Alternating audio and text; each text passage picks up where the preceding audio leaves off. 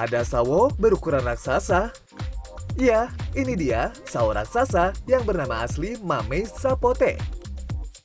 Sawo yang satu ini ukurannya bisa 10 hingga 20 kali lipat dari sawo pada umumnya. Sebutir mame sapote beratnya bisa mencapai 1 hingga 2 kg lebih. Jika sawo pada umumnya daging buahnya berwarna kecoklatan, daging mame sapote berwarna merah kekuningan dengan kandungan air lebih sedikit. Lalu, seperti apa ya rasa dari mame sapote alias sawo raksasa ini?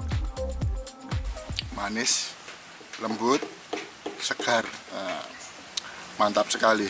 Sawo raksasa yang dibudidayakan warga Desa Taji, Kecamatan Juwiring, Kabupaten Klaten, Jawa Tengah.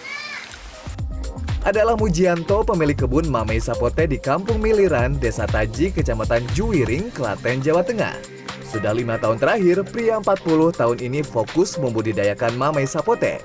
Awalnya, Mujianto hanya membeli sekitar 5 pohon seharga 10 juta rupiah. Kini, di lahan seluas 1000 meter persegi ini, Mujianto sudah mempunyai sekitar 500 pohon Mame Sapote.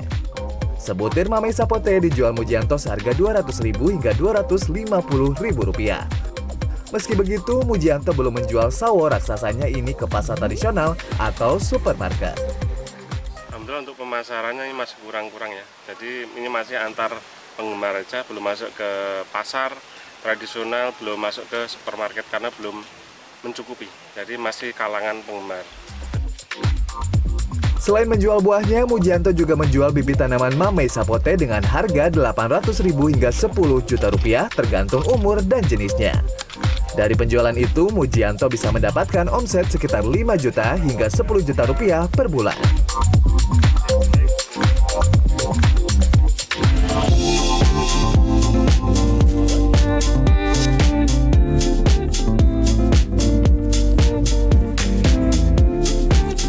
Dari kebun Mame Sapote, mari kita ke kebun buah lainnya, yakni kebun jeruk Pamelo yang ada di Kabupaten Magetan, Jawa Timur. Desa Tamanan, Kecamatan Sukomoro dikenal sebagai sentra penghasil jeruk pamelo. Puluhan hektar lahan jeruk pamelo dikelola oleh empat kelompok petani. Di antaranya adalah Lukman Hakim dan Supriyadi. Keduanya masing-masing punya ratusan pohon jeruk pamelo yang ditanam di lahan di dekat tempat tinggal mereka. Beragam jenis jeruk pamelo seperti adas duku, adas nambangan, serinyonya, Bali, dan Jawa ditanam di sini. Setiap jenis jeruk pamelo ini punya tekstur dan rasa berbeda. Untuk yang membedakannya secara fisik, untuk serinyonya itu tekstur kulitnya itu lebih kasar, cenderung agak kasar. Oh iya. Nah, kalau untuk adas duku itu lebih halus. Untuk warnanya sendiri, serinyonya itu kalau tua hijau, nanti semu kekuningan. Kalau adas duku hijau. Setelah dikupas, jeruk adas duku warna dagingnya merah, sementara jeruk serinyonya berwarna pucat.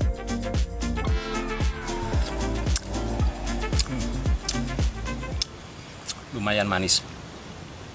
Ini adalah jeruk adas duku yang warnanya sangat menggoda. Eh, warnanya merah-merah meruna gitu. Eh, katanya sih rasa dari jeruk serinyonya dengan adas duku ini lebih manis yang serinyonya. Nah.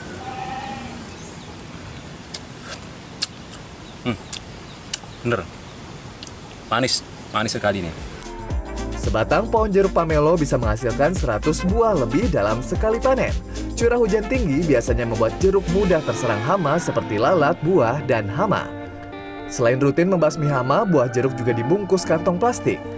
Saat panen sukses, petani jeruk pamelo bisa mendapatkan keuntungan hingga ratusan juta rupiah saat musim panen. Jeruk pamelo biasa dipasarkan ke kota-kota besar seperti Malang, Surabaya, dan Jakarta. Tim Liputan CNN Indonesia.